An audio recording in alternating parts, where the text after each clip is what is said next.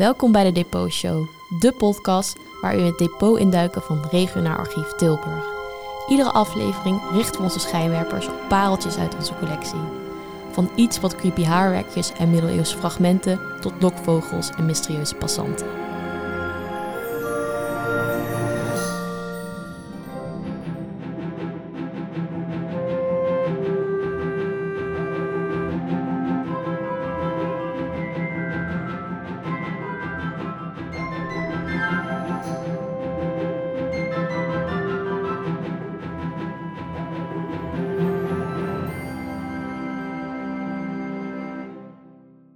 Bij deze vijfde aflevering van de Depot Show. Mijn naam is Teres Glink en ik ben jullie host. En vandaag ben ik bij mijn collega Astrid de Beer. Welkom Astrid. Dankjewel Sterre, fijn dat ik hier wat mag komen vertellen. Ja, heel leuk. Ehm, jij werkt al 15 jaar voor het archief en je focust je vooral op de bronnen en gebruikers. Zo maak je deel uit van de jury voor de Lanciersprijs, ehm, die je om twee jaar uitreikt. En leid je het onderzoek naar de Tilburgse oorlogsslachtoffers. Inderdaad, het is mijn taak om archiefonderzoek en onze bronnen zoveel mogelijk te stimuleren, juist in minder voor de hand liggend materiaal. Het uitreiken van de tweejaarlijkse Lanciersprijs, uh, het onderzoek naar de oorlogsslachtoffers en het organiseren van symposia zijn hier onderdeel van. Ja, leuk. Um, vandaag gaan we het hebben over lokvogels. Kan je in het kort vertellen wat dit zijn? Um, lokvogels zijn vogels, echt of namaak, die worden gebruikt om andere vogels te lokken en te vangen. Andere termen zijn bijvoorbeeld lokeend of lokvink. Een lokvogel kan ook een andere betekenis hebben. Bijvoorbeeld iemand die anderen verleidt om ergens naar binnen te gaan. Ja, we gaan het vandaag dus niet hebben over echte vogels. Um, is een lokvogel eigenlijk een soort propper avant la lettre? Ja en nee. Een propper is iemand die bij een bar of een discotheek anderen probeert over te halen om naar binnen te gaan. En uh, dit gebeurt vooral in populaire vakantieoorden zoals de Spaanse Costa, Ibiza, etc. Proppers zijn altijd jonge aantrekkelijke mensen die, mede door hun gedrag en voorkomen, anderen moeten verleiden om een bepaalde club of discotheek binnen te gaan. Een lokvogel, ik heb het nu over de jaren 20 en 30 van de 20e eeuw, was een vaak jonge en aantrekkelijke vrouw die zich, tussen haakjes, ophield in een café. Door haar aanwezigheid verleidde zij mannen om naar dat café te gaan en zij zetten hen ook tot drinken aan. De lokvogel krijgt bijvoorbeeld een bepaald percentage van elke gedronken borrel. Ik weet niet of proppers ook betaald worden om mensen aan te zetten tot drinken. Volgens mij moeten ze alleen maar mensen naar binnen lokken. Ja, volgens mij worden proppers dus niet betaald per drankje, maar volgens mij wel soms per commissie uh, van het ticket dat ze verkopen of het aantal mensen dat ze naar binnen krijgen. Ah, dus daar zit wel degelijk een verschil. De proppers kunnen natuurlijk mannelijk of vrouwelijk zijn. De lokvogels in mijn onderzoek waren allemaal vrouwen. Um, er zit ook een duister randje aan het fenomeen lokvogel. De scheidslijn met prostitutie was soms erg dun. Oké. Okay. Um, nou, je hebt dus onderzoek gedaan naar die lokvogels in de jaren 20, 30 van de 20e eeuw. Maar hoe ben je eigenlijk bij dit onderwerp terechtgekomen? In het verleden heb ik als freelance onderzoeker gewerkt voor Digitaal Vrouwenlexicon van Els Kloek. Um, ontzettend leuk om te doen, vond ik dat. Els Kloek, eh, projectleider, vroeg mij eens ergens in 2011 was het geloof ik, of ik onderzoek wilde doen naar het personage van Johanna van Hees uit de film De Bende van Os. Zij had in haar lexicon namelijk nog geen, zoals het noemde, gangstermeisje. Um, en Johanna van Hees leende zich volgens haar daarvoor uitstekend. Dat was ook zo. Uh, de Bende van Os speelt zich af in het Osse criminele milieu van de jaren 30. De film gaat over de waargebeurde moord op caféhouder Jan van der Pas door Jan Seelen alias De Seel. Een van de hoofdpersonen uit de film is Johanna van Hees. Die wordt gespeeld door Sylvia Hoeks.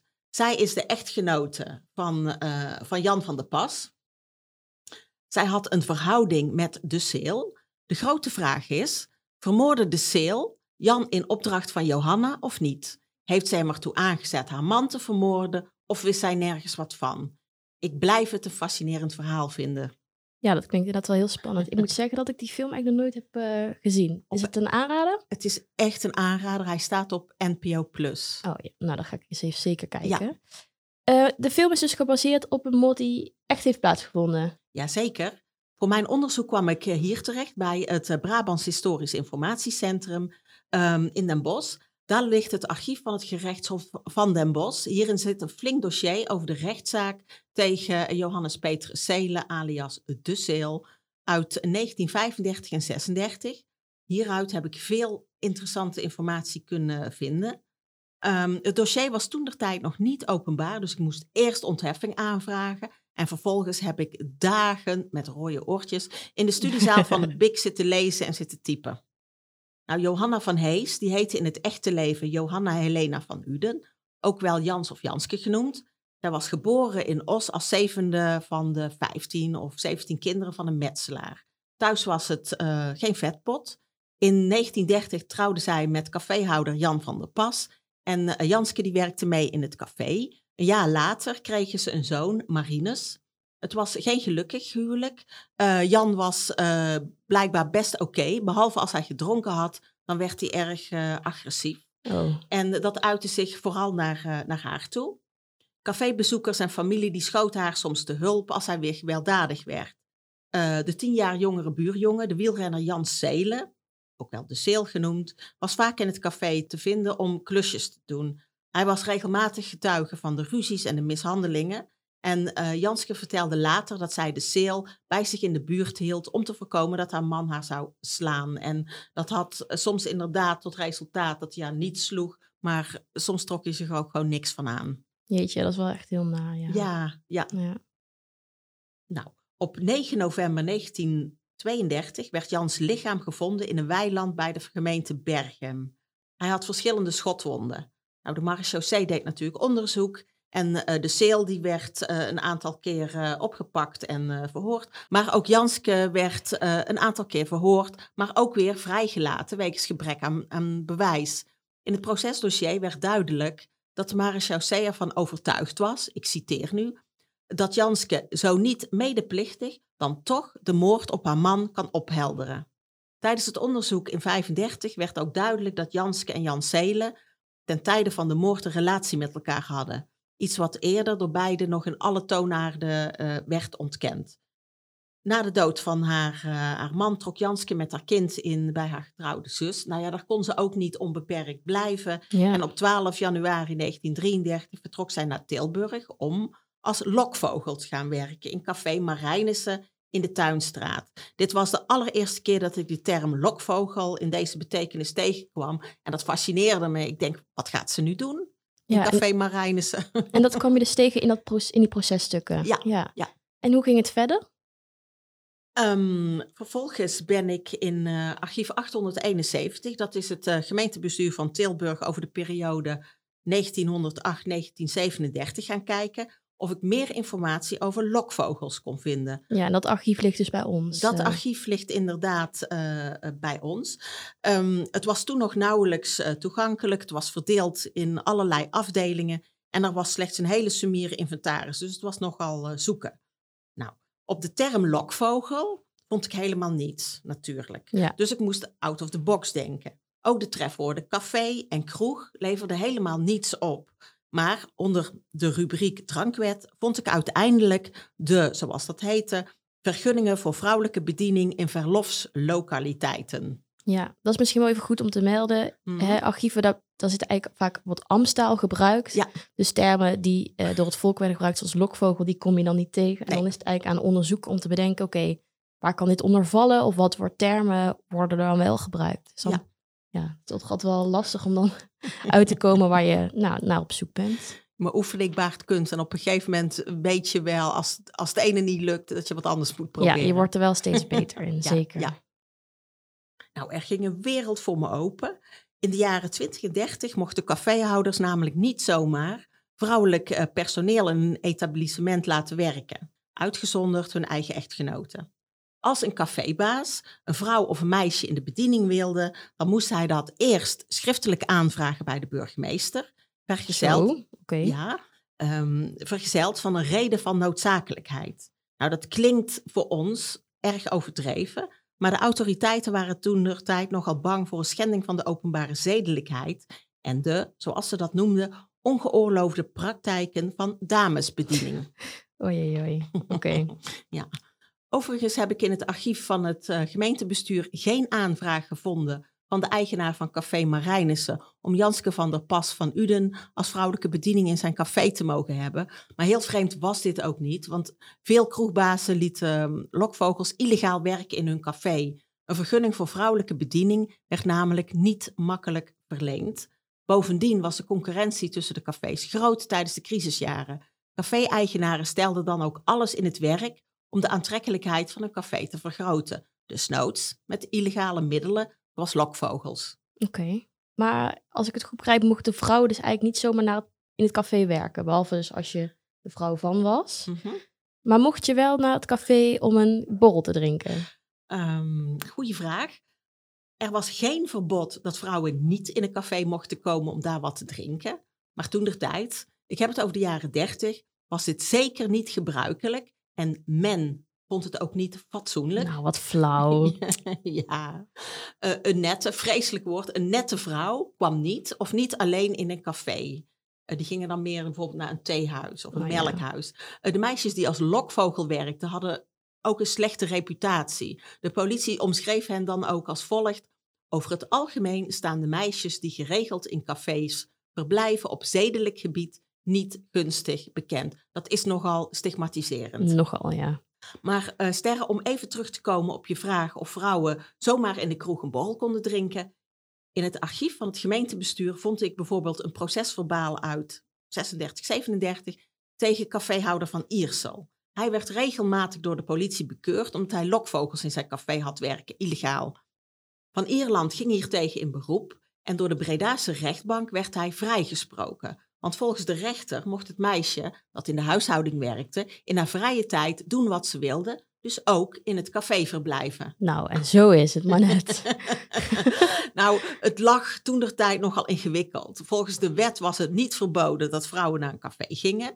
Maar het so de sociale en maatschappelijke normen en waarden waren toen veel strikter. Vooral waar het vrouwen betrof. Ja, en je zei ook net dat de autoriteiten eigenlijk bang waren voor de schending van de openbare zedelijkheid. Maar wat hield dat nou eigenlijk in? Het klinkt nogal, uh, het klinkt nogal ernstig, ja. Ja. Toen der tijd vond de overheid dat zij als taak had om, uh, ja, dit klinkt drakerig, de zedelijke verwording en verwildering tegen te gaan. Zo, stevige taal. ja, ja hè? Uh, dit had vooral te maken met gelegenheden en mogelijkheden waar vooral jonge mannen en vrouwen elkaar in de openbare ruimte konden ontmoeten.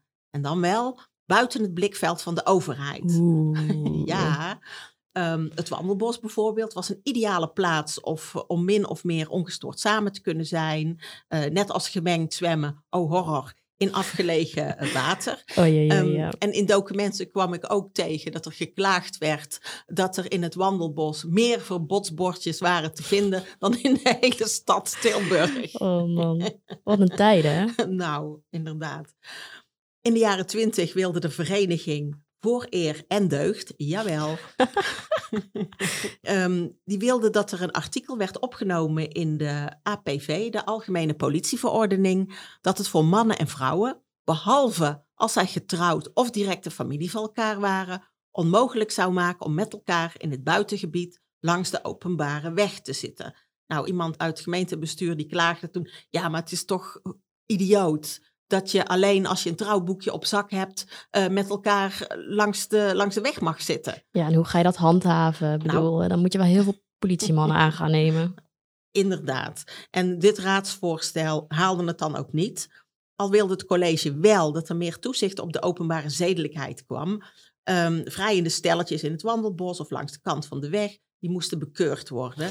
Ja, dus eigenlijk waren ze dus heel bang dat men, jonge mensen elkaar te, in een te vrije situatie zouden ontmoeten. En dat daar dus allemaal vrije seksuele contacten uit zouden ontstaan.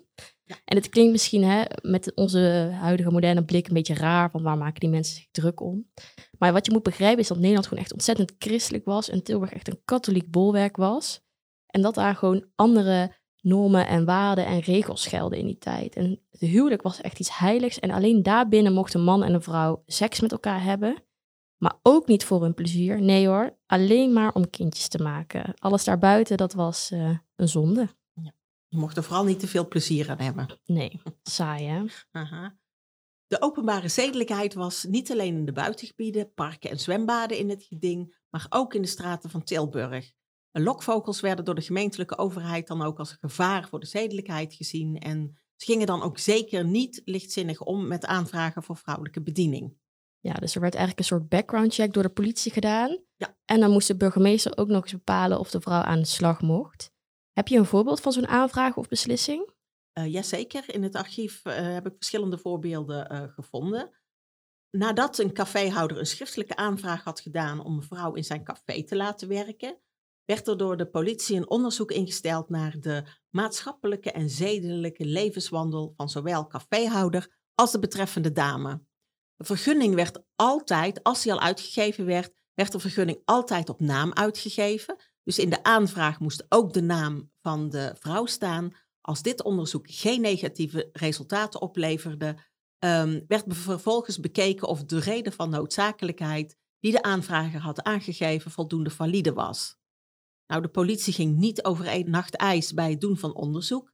Als de vrouw bijvoorbeeld afkomstig was uit een andere plaats, zoals Breda, dan informeerde zij ook daar bij de politie of er iets ongunstigs over haar levenswandel bekend was. Oké, als ik het goed begrijp, dan kreeg ze een vergunning voor een bepaalde vrouw. Dus niet van, nou, hier in het café mag wel een, gewoon een vrouw werken, maar echt ging om één specifieke dame. Ja. En ze gingen zelfs echt inlichtingen buiten de stad doen als dat nodig was. Stel je voor, uh, Sterren, dat, er, dat je in je café een vrouw hebt werken die op maatschappelijk en zedelijk gebied niet goed bekend staat. Dan wordt het binnen de kortste tijd een hoerenkot. En ik denk dat daar de gemeente heel erg bang voor was.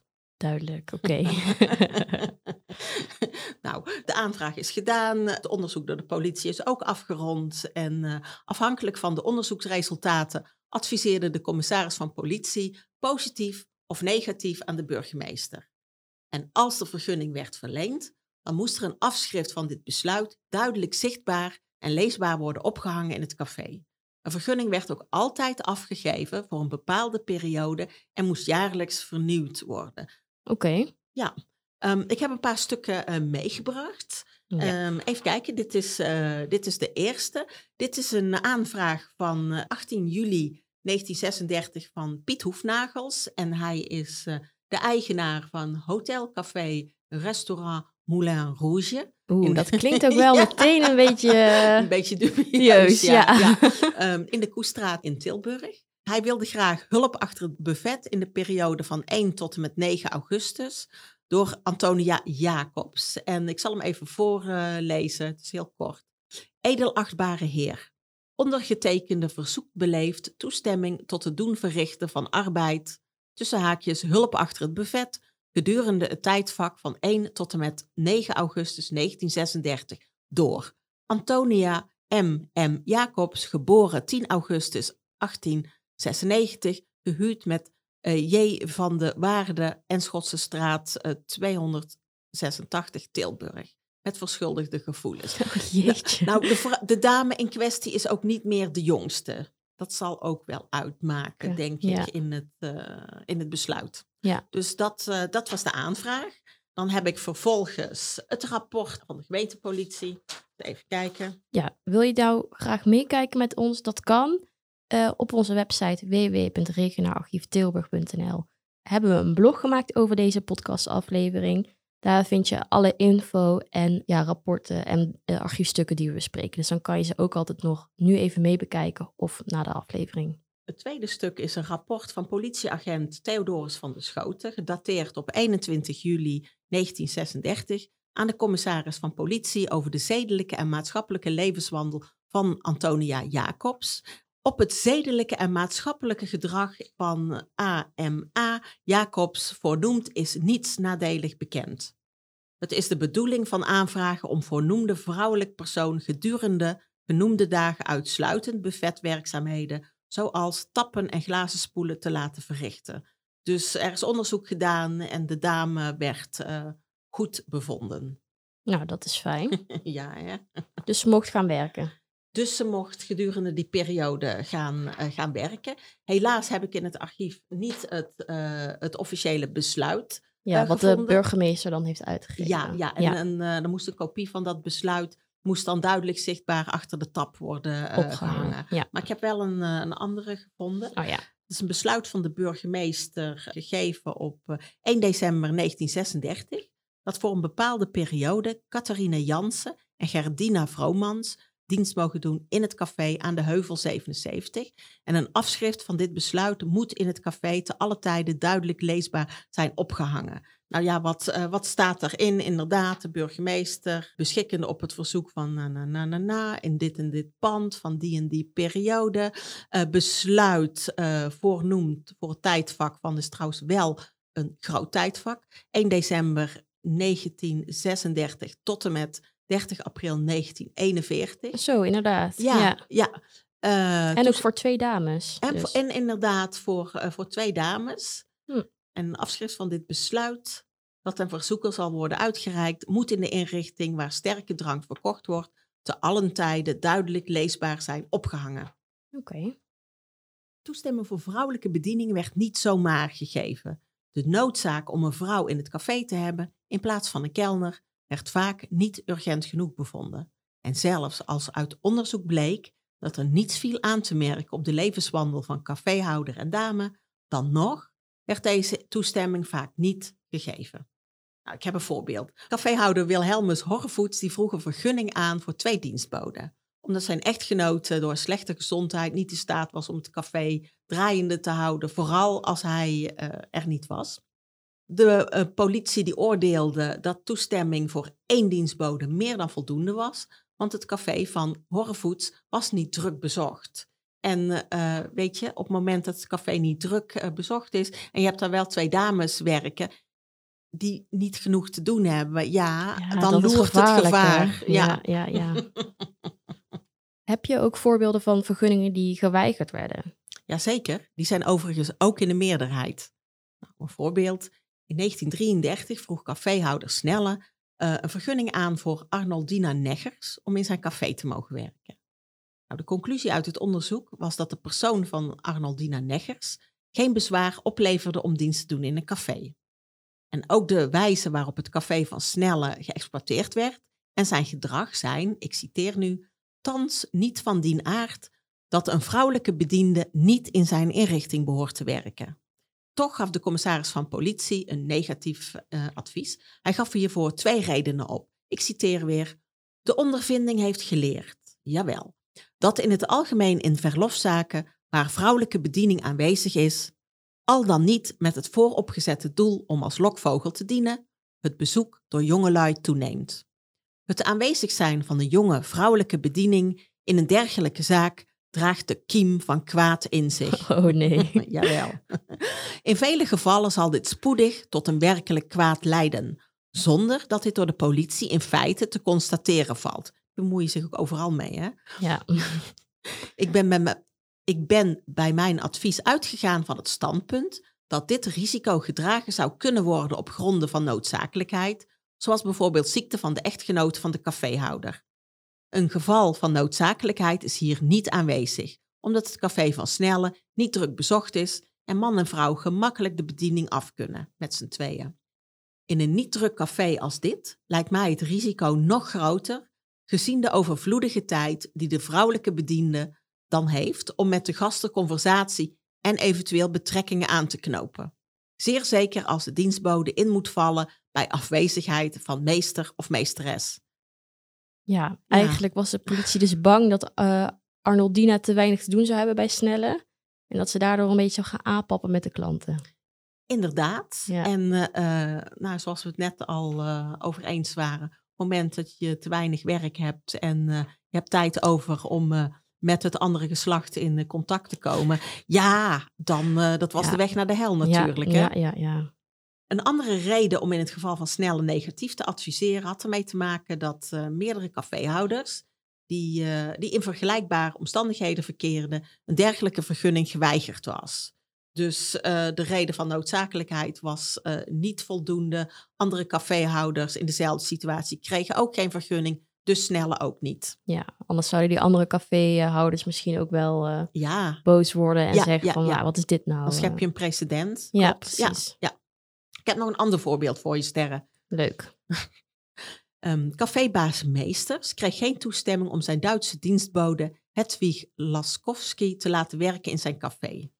Uit onderzoek van de politie bleek dat de aanvrager en zijn echtgenote makkelijk het werk in hun café aan de Zomerstraat konden doen. En omdat Hedwig blijkbaar in de middagen al vaak in het café verbleef, zonder dat zij daar werkzaamheden verrichtte, um, leek het er volgens de politie op dat de vrouwelijke bediening meer tot doen had publiek te trekken. Oh ja, deze is heel erg leuk. Um, Johannes van der Lee die deed een aanvraag om zijn schoonmoeder, Elise Embrechts, in zijn café te laten werken. Van der Lee was zelf koperslager, en dus die had gewoon een, uh, een, een, baan. En zijn echtgenoten die runden het café. Maar zijn echtgenote moest zes weken in het uh, ziekenhuis opgenomen worden. En uh, Van der Lee had dringend hulp nodig. Maar dat mocht dan weer wel. Als vrouw mocht je dan wel zelf helemaal in je eentje een café runnen. Ja, volgens mij werd er van uitgegaan dat een, ja, dat een getrouwde vrouw geen gevaar oplevert. Ja, precies. Als je helemaal getrouwd bent, ben je helemaal getemd en dan, ja, uh, ja. zoiets. zoiets. Dus, uh, ja. Even kijken. Ik probeer de logica een beetje te nou, ja, ja, dat, is, dat is moeilijk. Ja. Um, maar de, de, commissaris van politie heeft dus onderzoek gedaan en hij vond dus ook dat Van der Lee dringend hulp nodig had, maar niet van zijn schoonmoeder. Oh. ja, want uh, die kwam uit Breda en hij had natuurlijk een navraag gedaan bij de politie uh, te Breda en daar stond zij bekend als publieke vrouw. Publieke vrouw. Ja, of oftewel een uh, prostituee. Okay. En uh, ik citeer, hoewel ze, zij hier nimmer ter zake voor enig strafbaar feit werd verba verbaliseerd en zij zich steeds rustig gedraagt, meende de commissaris van politie te Breda dat een regelmatig verblijf in een café een gevaar voor de zedelijkheid zal opleveren. Nou, maar ze krijgt niet eens de kans om dus ander werk te vinden. Je zou ook nee. kunnen denken van, nou, nee. Nee. Ze, gaat, uh, ze kiest een andere carrièrepad in.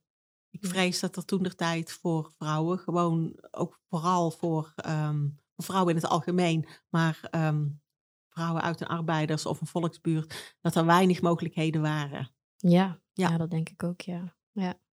We hebben het er net al een klein beetje over gehad, maar waarom was het voor cafébazen eigenlijk zo belangrijk om een meisje of een vrouw in hun zaak te hebben? Nou, toen de tijd was het aantal cafés met een volledige vergunning, en dat is waar ook sterke drank geschonken mocht worden, was toen de tijd aan een maximumstelsel gebonden. En dit hield in dat het aantal vergunningen per gemeente gekoppeld was aan het aantal inwoners. Uh, onder sterke drank verstond men drank bestaande uit minimaal 15% pure alcohol, zoals jenever, whisky, cognac, vodka. En de meeste cafés mochten dus geen sterke drank schenken, alleen zwak alcoholische drank, zoals bier, wijn en mixdrankjes. Al, al weet ik niet of die laatste toen ook al uh, bekend waren, maar in elk geval bier en wijn. En na 1934 werd er ook een maximumstelsel ingesteld voor het schenken van zwakke alcoholische drank. Dat heette dan verlof A. En veel cafés hadden dus slechts beperkte verkoopmogelijkheden en dus weinig klandizie. Als je alleen maar bier of wijn uh, mag schenken, of dat nog niet eens, alleen wat dan, weet ik veel, limonade of koffie of zo. Ja, precies. Ja, en mensen wilden dan liever naar een café waar ze alles konden krijgen, ja, bijvoorbeeld. Ja, ja. ja. Nou, en lokvogels die uh, fungeerden dan als extra attractie voor de zaak. En die woog dan op tegen de beperkte verkoopmogelijkheden. Want als jij bijvoorbeeld een vrouw in je café had uh, werken, het liefst een jongen en een knappe, dan trok dat mannen aan. En vervolgens moest zij dan, de lokvogel, uh, de mannen tot drinken aanzetten om de omzet te vergroten. En cafés die niet druk bezocht werden, die kregen veel meer klandizie als er regelmatig een meisje aanwezig was. Ja, klinkt logisch. Ja. Dit had als gevolg dat steeds meer caféhouders illegaal lokvogels in hun cafés gingen houden. De concurrentie tussen de cafés was toen de tijd erg groot, vooral tijdens de economische crisis in de jaren 30. In 1937 uh, meldde bijvoorbeeld de commissaris van politie aan de burgemeester, ik citeer, dat het euvel van lokvogels hier hand over hand toeneemt. Een goedwillende caféhouder kwam de politie mededelen dat collega's die wel lokvogels hielden hem adviseerden dit ook te doen, omdat anders zijn zaak teniet zou gaan. Ik vind die taal, dat taalgebruik, ja, dat is echt ja, zo. Um, goed, hè? Dat geeft ook een beetje de sfeer en dat er zo omheen werd ge, gedraaid, zeg maar. We bespraken net een aantal aanvragen van um, vrouwen en cafébazen die graag een vrouw in een uh, café wilden hebben werken. Mm -hmm. um, maar waren dit dan ook allemaal lokvogels? Nee, ik denk dat de meeste geen uh, lokvogels uh, waren. Uh, we hebben het net gehad over die aanvraag voor café, restaurant Moulin Rouge. Nou, die, die heeft gewoon personeel nodig die achter het buffet staat. Er verwerkten vrouwen in het café, maar dat was gewoon hun baan. Lokvogel zijn is iets anders en daar worden ook wel andere, hoe zeg je dat, kwaliteiten voor, waar je ver, ja, ja, verwacht. precies. Oké, en maar wat voor soort vrouwen werden dan wel lokvogels? Um, de meeste vrouwen die als lokvogel werkten waren gescheiden vrouwen en hele jonge meisjes. Gescheiden vrouwen werden toen de tijd nogal gestigmatiseerd, vooral in de katholieke Tilburg. Want die waren per definitie al niet fatsoenlijk. Ik vind dit ook een beetje moeilijk om te zeggen, want de term fatsoenlijk is, uh, dat zegt natuurlijk niks over die vrouwen. Nee. Maar zo werd er over uh, vrouwen gedacht als ze niet binnen de lijntjes kleurden. Als Ja. ze bijvoorbeeld uh, um, gescheiden waren of als hun, uh, in het geval van Janske, uh, Janske van Uden, als hun man vermoord was. Ja, dan had je een stigma. Dan had je sowieso, denk ik, geen kans om als fatsoenlijke buffetjuffrouw in een café te werken. Nee, precies. Dus Ja. je kansen op een, op een fijne, goede baan, die waren dan eigenlijk al nul. Ja, Had je misschien ook wel helemaal geen andere optie of weinig opties dan als Nou, lokvogel te gaan ja werken. de- vooral als je nog redelijk jong was en je zag er eh, goed uit. Ja, ja. moest je dan maar, maar gewoon Ja. gebruik van maken. Ja, ja, Ja. ja. Ehm, nou, je vertelde net al iets dat ze een bepaald percentage kregen van de gedronken borrel, maar hoe werkte dat precies? De lokvogels die werkten dus op provisie.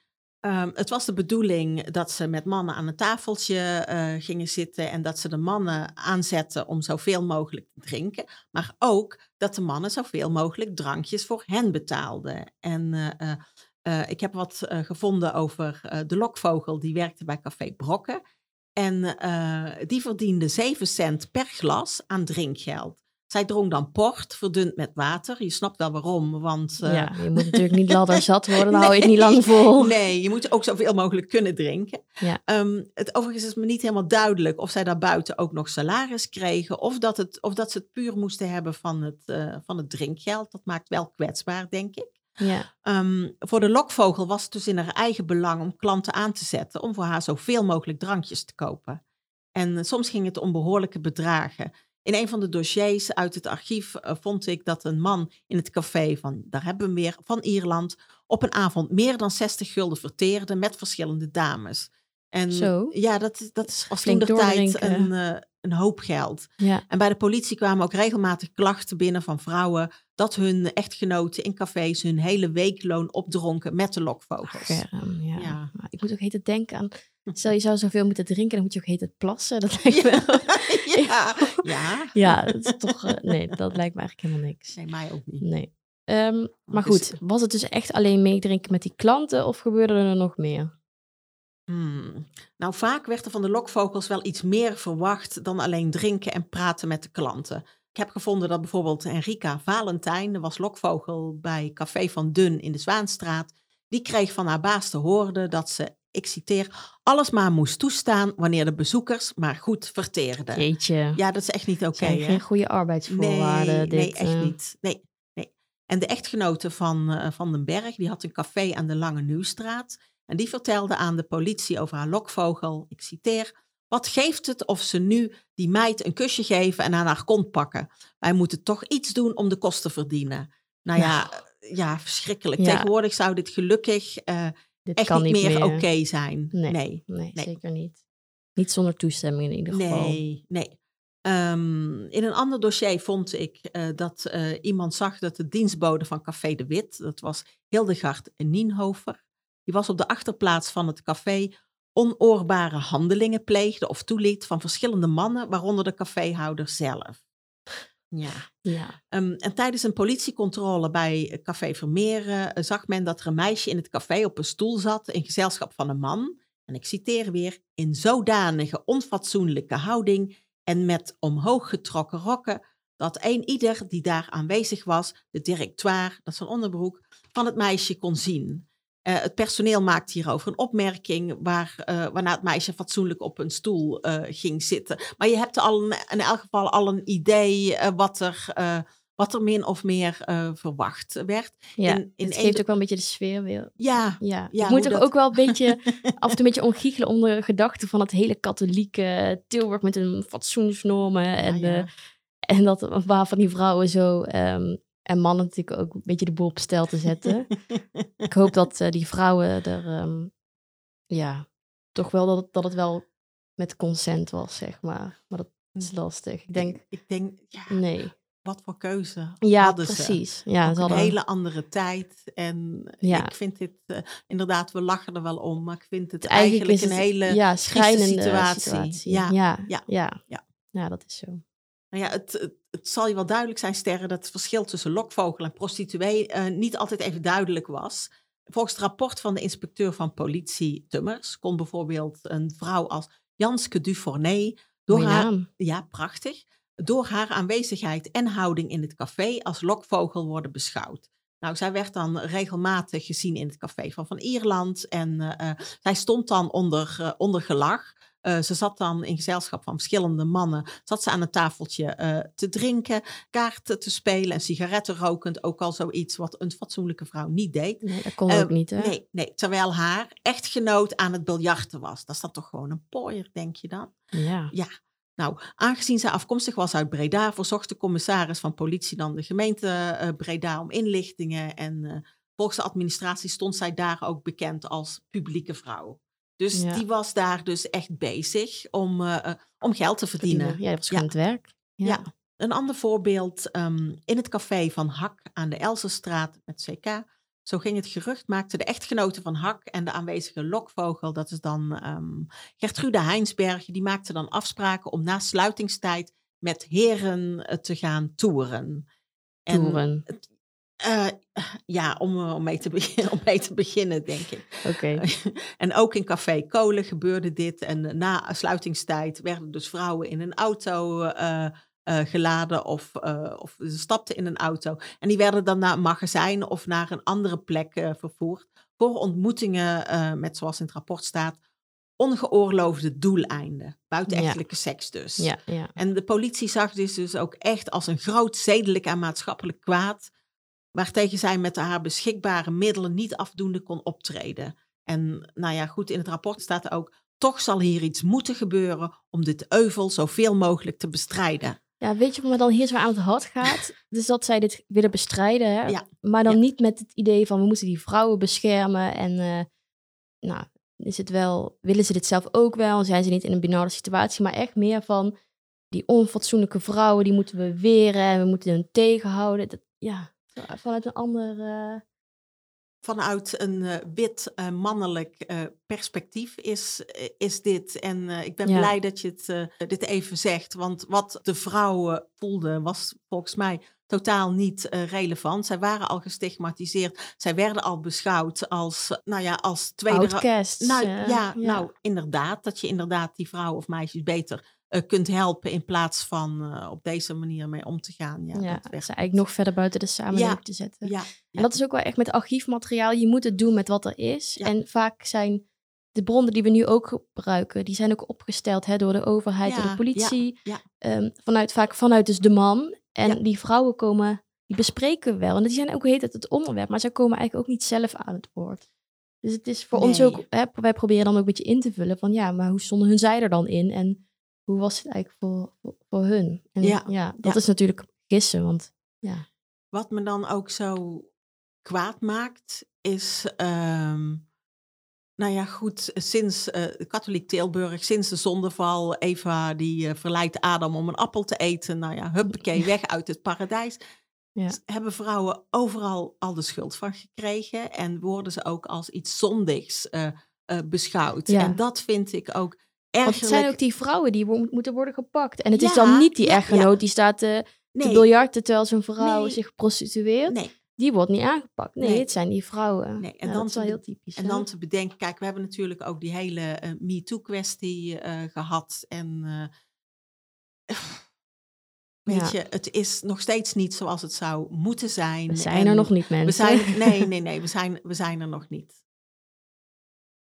Eh, We hadden het net al eventjes over het optreden dan. Hè? Mhm. Maar welke middelen had de gemeente en de politie hiervoor? Hmm.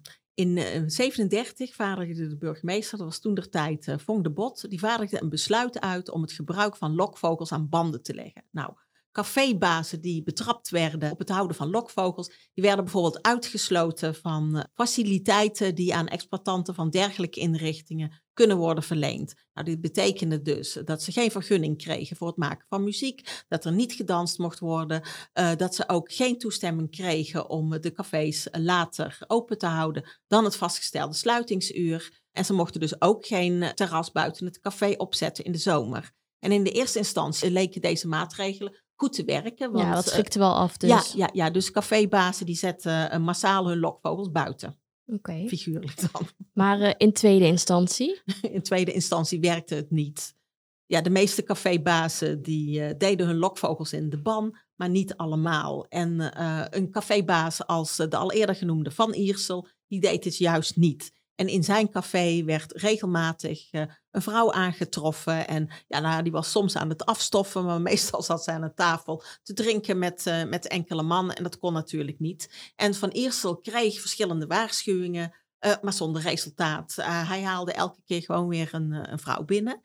maar dat had als wel als resultaat dat de andere cafébazen, die zich dus wel strikt aan de voorwaarden hielden, van de voorschriften, die klaagden omdat de politie niet optrad ja, tegen Van Eersel. Ja. En dan krijg je de, uh, een soort hachelijke situatie en die wordt uh, in het archief ook goed beschreven. Uh, de commissaris van politie die zegt dan tegen de burgemeester dat omwille van ons, maar ook uw prestige, moet er gewoon zo snel en zo krachtig mogelijk tegen Van Eersel moet worden opgetreden. En de commissaris waarschuwde ook van als dit niet gebeurt, als er niet tegen opgetreden wordt, dan ben ik ervan overtuigd dat binnen twee weken alle cafés weer lokvogels hebben. Ja. En uh, ja, als dit gebeurt, ja, dan, dan zijn we klaar. Dan uh, kunnen we er gewoon niet meer. Nee, dan kan je niet meer handhaven. Nee, dan kan je niet meer uh, handhaven. En ik citeer. En zal dit kwaad steeds blijven voortwoekeren? Oh, dat taalgebruik. Ja, ja prachtig. Ja. En van Ierland, die moest zijn café in 37 twee weken gesloten houden. Oh, dus hij, ja, er, werd, er werd toch opgetreden uiteindelijk. Er werd, uh, er werd opgetreden en uh, Van Ierland sloot inderdaad zijn café twee weken, maar hij liet het er niet bij zitten. Hè? Je kunt je wel voorstellen dat daarna, toen het café weer openging, dat de politie de, het café uh, regelmatig in de gaten hield. Ja. En het werd gedaan door het personeel van bijzondere wetten. En tijdens elke controle werd er dus wel een meisje aangetroffen in het café. Of in het café zelf, of staande in de straatdeur, of bijvoorbeeld zittend in, uh, in de keuken. En dat staat hier in het rapport. Opvallend gekleed, geverfde lippen, et cetera. Oh jee. Ja. En uh, nou bijvoorbeeld, dan was de keukendeur was uh, naar het café toe, die was dan geopend. En dan zat zij in de deuropening. En dan zat zij met, met de klanten te praten, te flirten, te drinken. Ja, een beetje op de grens. Zo van, ja. het is niet echt in het café, ja. ze is in de keuken waar ze maar, eigenlijk hoort. Hè? Maar ja, een beetje zo. Ja, van, je merkte ook dat Van Eersel ook echt de grens van het toelaatbare opzoekt. Uh, nou, aan de voordeur had je dan vaak een, uh, een mannetje. ja, het is vreselijk. Een mannetje staan, die stond er op de uitkijk. Oh, die stond te kijken of die mensen eraan kwamen. Nou, Als ze zo vaak langskopen, dan weet je natuurlijk wel weet je, wie op wie je moet letten. is ja. en, uh, en wie niet. En zodra hij politie zag aankomen, riep hij naar binnen. En dan uh, had de vrouw meestal de kans om nog snel gewoon helemaal in de keuken te gaan zitten. en nou ja, soms klopte de man ook tegen het raam van het café zo. Of ging even waarschuwen dat de politie eraan kwam. Ja, op een gegeven moment kenden ze natuurlijk al die politieagenten wel. Dus dat ja, had verder. Logisch. Ja, ja, logisch. Dat had verder helemaal geen nut meer. En uh, vervolgens uh, werden er twee agenten in Burger op afgestuurd. Oh, echt ja. een kat-en-muisspel is dit. ja, en die waren dan afkomstig van het bureau Wilhelmina Park in een ander deel van de stad. En uh, dus die, die kenden ze niet. Ja. En nou, die betrapte Johanna Arts, die in het café met heren vertoefde en een glas bier dronk. Oei, oei, oei. ja. het laat me ook wel echt zien, ze doen wel echt moeite hè, om, om te controleren. Ze laten ook wel zien dat, dat het wel een soort urgentie voor hen heeft. Want ja... Ja, Ze maar, besteden er mankracht en tijd aan. ja, maar vanwege de openbare zedelijkheid, niet Ja. vanwege uh, die, uh, die vrouwen. Nee, Nee, nee, voor, dus- voor de verkeerde redenen dus. ja, in mijn optiek Ja, in uh, onze wel. optiek. Ja, uh, nou ja, ik heb al eerder aangegeven dat van Ierland werd vrijgesproken in hoger beroep. Ja. en ja, en na die tijd zei hij altijd, eh, ik neem zoveel meiden in mijn café als ik wil, want er is niemand die er iets aan kan doen. Nou ja, en dat was het ook. Ja, Ja, een vrouw mocht gewoon naar het café toe. Dat was Ja. niet verboden. Ja. Oké. En dan heb ik eigenlijk best wel een dringende vraag. want we hadden het in het begin natuurlijk over Janske van Uden. Ja. Hè, die, waar haar man was vermoord. En eh, de sale. Hoe is daar eigenlijk mee afgelopen? Ehm, tragisch, vond ik. Oh, nee. ja, ja, ja, toch wel. Ehm, nou ja, goed, ze ging dus, eh, ze liet haar kind achter bij haar eh, moeder of haar zus. En ze verhuisde dus eh, naar Tilburg, naar Café Marijnissen. Daar is ze omstreeks 12 januari 33 is ze daar gekomen. Ze is daar twee maanden gebleven. Dat is niet lang. Nee. En als lokvogel moest zij dus meedrinken met de klanten. Je zei net van, ja, uit die politierapporten krijgen we niet het verhaal van de vrouwen zelf te horen. Nou, Janske van Uden heeft natuurlijk in verhoren wel eh, verteld wat Oh ja. zij meegemaakt, maar ook wat ze vond en wat ze voelde. Ja. Dat, eh, dat was wel fascinerend. Ehm, in die periode van twee maanden kreeg ze een relatie met een wat jongere marinier. Dat was Frans Sauer. Nou, zij gaf hem ook de trouwring van haar overleden man als onderpand van, eh, van haar trouw. Maar Ja. deze, ja. maar deze relatie duurde niet eh, lang. En Janske zou ook aan verschillende personen verteld hebben dat ze zwanger was van, eh, van Sauer. Volgens enkele van haar medelokvogels vertelde zij, ik citeer, dat er een kleine marinier in haar zat terwijl ze op haar buik sloeg. Oké. Nou, op eh, 4 maart 33 loopt ze weg. Want de avond ervoor eh, eh, had ze flink eh, gedronken samen met de eigenares van het eh, café. En toen was ze wat eh, loslippig geweest over de moord op haar man. En Ja. Blijkbaar had ze ook iets gezegd dat de man van eh, de caféhoudster ook maar doodgeschoten moest worden. Dan konden ze in elk geval gaan samenwonen. Oh en nou ja, in elk geval... Wilde plannen in ieder Ja, geval. Nou, eh, wilde dronkenmansplannen. de dag daarna wist ze niet meer precies wat er allemaal gezegd was. En ze is, eh, ze is vertrokken. ze heeft de benen genomen. Ze, heeft, ja, ze is gewoon weggelopen. En eh, ze vond een betrekking als dienstbode bij Café de Weijer in Udenhout. Nou, daar leerde ze eh, enkele maanden later Willem van Gestel kennen. Was ook een jongere man, een arbeider van de steenfabriek. En eh, ze trouwde hoogzwanger. Op 11 januari 1934. En met haar tweede man kreeg zij nog negen kinderen. Ja, nog negen kinderen, waarvan één zoontje als baby eh, overleed. Nou goed, dan is ze net getrouwd met haar tweede man in eh Udenhout. Het is maar ook he- niet helemaal duidelijk wat haar tweede man precies over haar of van haar geschiedenis weet. Nou ja, er is wel een geschiedenis. Dat weet je wel als, je, als een vrouw met wie je trouwt hoogzwanger is en waarschijnlijk niet van jou. Ehm, dat weten we dus niet. Oh ja. Maar ik vraag me dus ook af, wist die van Gestel dat haar eerste man vermoord was en dat zij toch Ja, wel verdacht ja. is geweest? Nou, Nee. dat weet ik niet. Wel Blijft fascinerend. onduidelijk. Dat blijft onduidelijk. Nou, ondertussen was Jan Zelen, in eh 32 was hij wel opgepakt en verhoord, maar wegens gebrek aan bewijs moesten ze hem vrijlaten. Nu, Ja, dus die zat dus niet in de gevangenis. die zat, nee. En eh, een paar jaar later wordt hij opgepakt vanwege een roofoverval met veel geweld in Deurne. En toen kwam hij ook terug op de moord op Jan van der Pas. En toen heeft hij inderdaad bekend dat hij eh, Jan van der Pas eh, vermoord eh, heeft. Dus in 35 en 36 dan komt er een proces tegen Jan Zelen. En Ja. dat heeft dus te maken met die roofoverval. Maar ook met de moord op Jan van der Pas. En dan wordt alles weer opgerakeld. En dan wordt zij natuurlijk ook weer eh ja, zij verhoord. moet ook verhoren. Ja. Ja. En eh, eh, blijkbaar had eh, Jan Zelen van der Pas voorgesteld om samen in te breken bij een boer in Berchem. En toen ze samen door de weilanden liepen, schoot Zelen zijn revolver leeg op Van der Pas. Ehm, nou, Janske heeft altijd betrokkenheid op de moord op haar man, heeft ze altijd ontkend. Ze zou ook niets hebben geweten van Zelens plannen. Ze zou hem ook niet aangezet hebben tot moord. En Zelen zelf heeft ook altijd volgehouden dat Janske van niets wist. Hm. En blijkbaar had ze hem wel eens gezegd dat zij wenste dat haar man kapotgeschoten werd. Maar volgens Zelen heeft zij hem daartoe nooit aangezet. Nee, dus geen opdracht gegeven van... eh, Nee. Nee. Nee. Nou, in beginsel ontkenden beiden ook dat er sprake was van een relatie. Want in een verhoor uit eh, 32 zei Zelen zelfs tijdens een verhoor eh, dat hij meer van Van der Pas hield dan van zijn vrouw. En later, in, ja, nou ja, bijzondere goed. uitspraak. Ja, ehm, in 35 gaven beide de relatie toe. Maar Janske wilde dit niet voor de rechtbank verklaren, zoals ze zei. En eh, nu citeer ik, uit schaamte voor het publiek en voor mijn tweede man. Nou, dat snap ik ook wel, toch? dat- Het is al voorbij, je bent door met je leven en ja, je wil dat niet allemaal oprakelen. ja, ze was een vrouw toch ook wel kwetsbaar en denk ik wel afhankelijk van, van een man Ja, je- voor haar eh, levensonderhoud. Ja, ze had eindelijk een gezin gevormd en een stabiele ja. relatie, Ja, hoop ik. Hoop ja, ik dat ook. wil je dan niet opgeven. Nee. En volgens de getuigenis van een voormalig dienstmeisje bij Café Marijnis eh, zou Johanna haar verteld hebben dat ze op die bewuste avond met anderen had afgesproken haar man uit de weg te ruimen.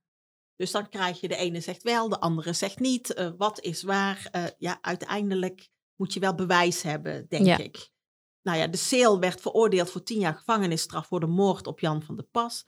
En eh, eh, Janske zelf, die overleed in eh, 1949 op 44-jarige leeftijd in het kraambed. Oh. En ja, ik vind het een eh, triest verhaal eigenlijk.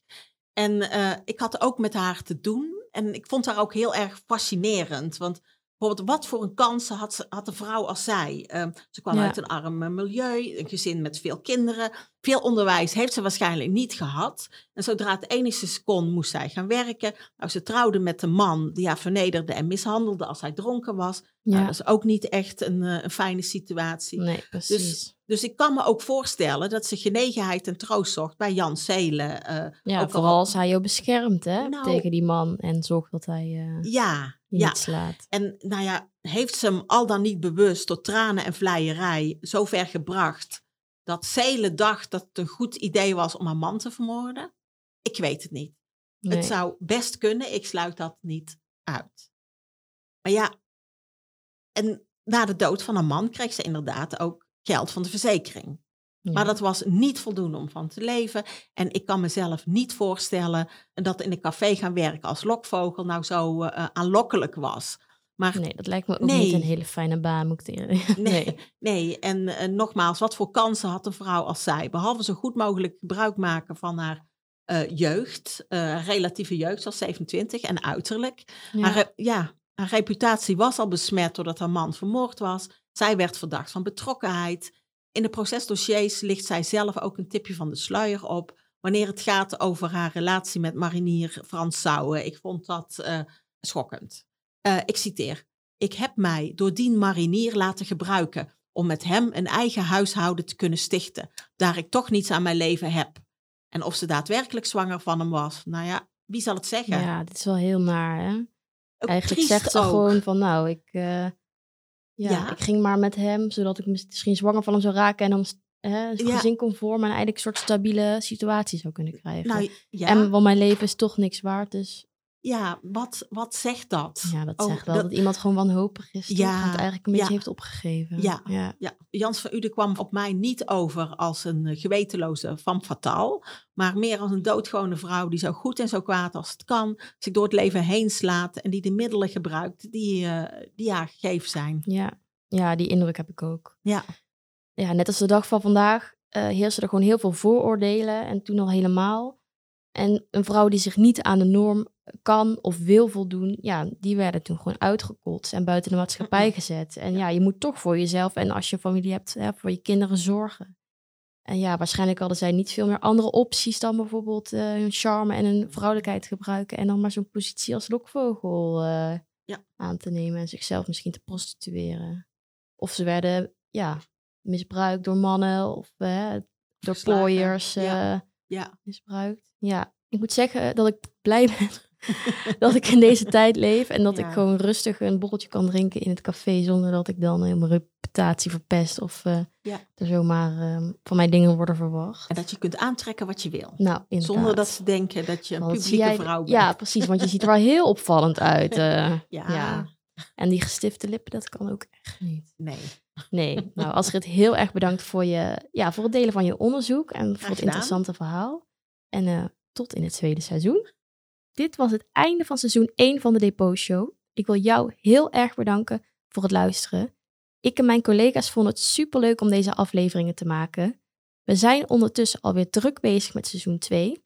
Vergeet daarom vooral niet te abonneren. Dan krijg je vanzelf een melding als de nieuwe afleveringen in de app verschijnen.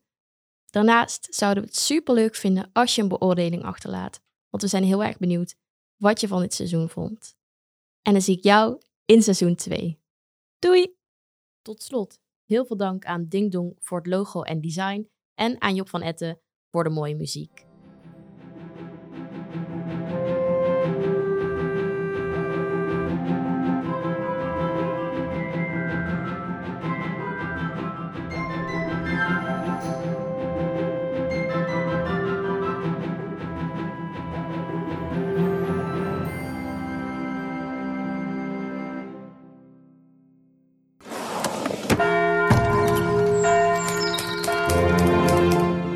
Op zoek naar meer mooie verhalen uit het rijke Brabantse verleden? Luister dan ook eens naar Het Geheugen van Brabant. De podcast van het Brabants Historisch Informatiecentrum in Sertogenbos.